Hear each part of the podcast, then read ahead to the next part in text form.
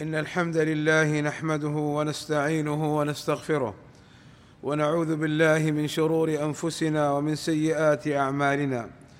من يهده الله فلا مضل له ومن يضلل فلا هادي له. وأشهد أن لا إله إلا الله وحده لا شريك له وأشهد أن محمدا عبده ورسوله. يا أيها الذين آمنوا اتقوا الله حق تقاته. ولا تموتن إلا وأنتم مسلمون. يا أيها الناس اتقوا ربكم الذي خلقكم من نفس واحدة وخلق منها زوجها وبث منهما رجالا كثيرا ونساء واتقوا الله الذي تساءلون به والأرحام. إن الله كان عليكم رقيبا. ألا وإن أصدق الكلام كلام الله وخير الهدي هدي محمد صلى الله عليه وسلم وشر الأمور محدثاتها وكل محدثة بدعة وكل بدعة ضلالة وكل ضلالة في النار. أما بعد فشهر رمضان قد يكون ثلاثين يوما وقد يكون تسعة وعشرين يوما. قال صلى الله عليه وسلم الشهر يكون تسعة وعشرين ويكون ثلاثين فإذا رأيتموه فصوموا. وإذا رأيتموه فأفطروا فإن غم عليكم فأكملوا العدة. بل صامت الصحابة مع النبي صلى الله عليه وسلم تسعا وعشرين أكثر مما صاموا ثلاثين يوما. كما أخبر بذلك ابن مسعود رضي الله عنه حيث قال لما صمنا مع النبي صلى الله عليه وسلم تسعا وعشرين أكثر مما صمنا معه ثلاثين. وإذا كان الشهر تسعة وعشرين يوما فأجره كامل إن شاء الله تعالى لقوله صلى الله عليه وسلم شهرا عيد لا ينقصان أي أنهما لا ينقصان في الأجر والثواب وهذا من رحمة الله علينا ومن لطفه بأمة محمد صلى الله عليه وسلم. واعلم يا عبد الله أن آخر جمعة في رمضان ليس لها خصيصة أو عبادة أو ميزة أو ميزة معينة كما يعتقده بعض الناس.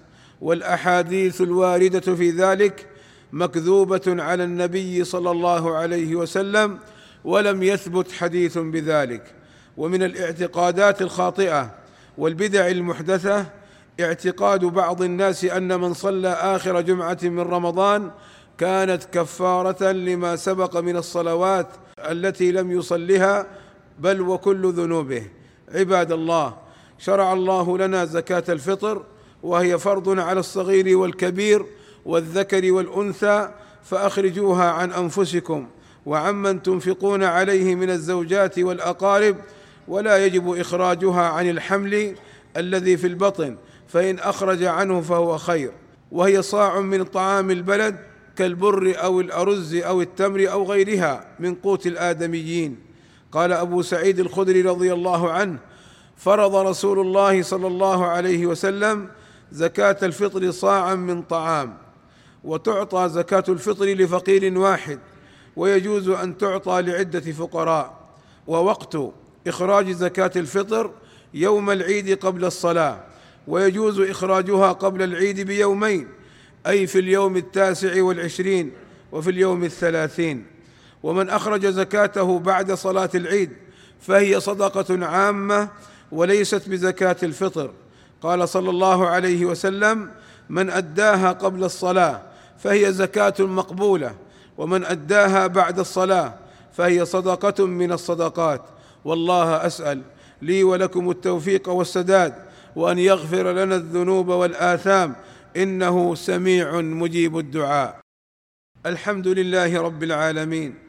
والصلاة والسلام على المبعوث رحمة للعالمين وعلى آله وصحبه أجمعين عباد الله. يشرع التكبير كما أمر الله تعالى به في كتابه. فقال عز وجل ولتكملوا العدة ولتكبروا الله على ما هداكم ولعلكم تشكرون أي على ما وفقكم له من الطاعات في هذا الشهر. ووقت التكبير من غروب شمس ليلة العيد إلى صلاة العيد.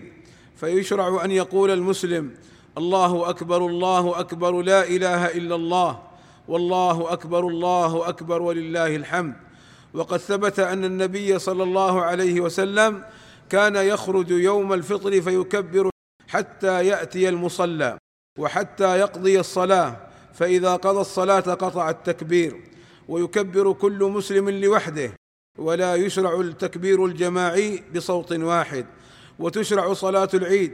فقد أمر بها رسول الله صلى الله عليه وسلم حتى النساء يخرجن. فيخرج الرجال والنساء الصغار والكبار. فعن أم عطية رضي الله عنها قالت أمرنا رسول الله صلى الله عليه وسلم أن نخرج ذوات الخدور يوم العيد. قيل فالحيض. قال ليشهدن الخير ودعوة المسلمين. قال فقالت امرأة يا رسول الله إن لم يكن لإحداهن ثوب كيف تصنع؟ قال تلبسها صاحبتها طائفة من ثوبها.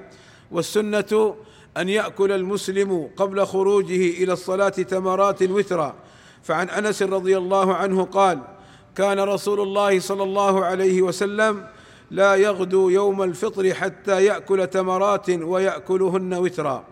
ويشرع الاغتسال يوم العيد لفعل ابن عمر رضي الله عنهما حيث كان يغتسل يوم الفطر قبل أن يغدو إلى المصلى ويشرع أن يؤتى من طريق ويرجع من طريق آخر. قال جابر رضي الله عنه كان النبي صلى الله عليه وسلم إذا كان يوم عيد خالف الطريق أي جاء من طريق ورجع من طريق آخر.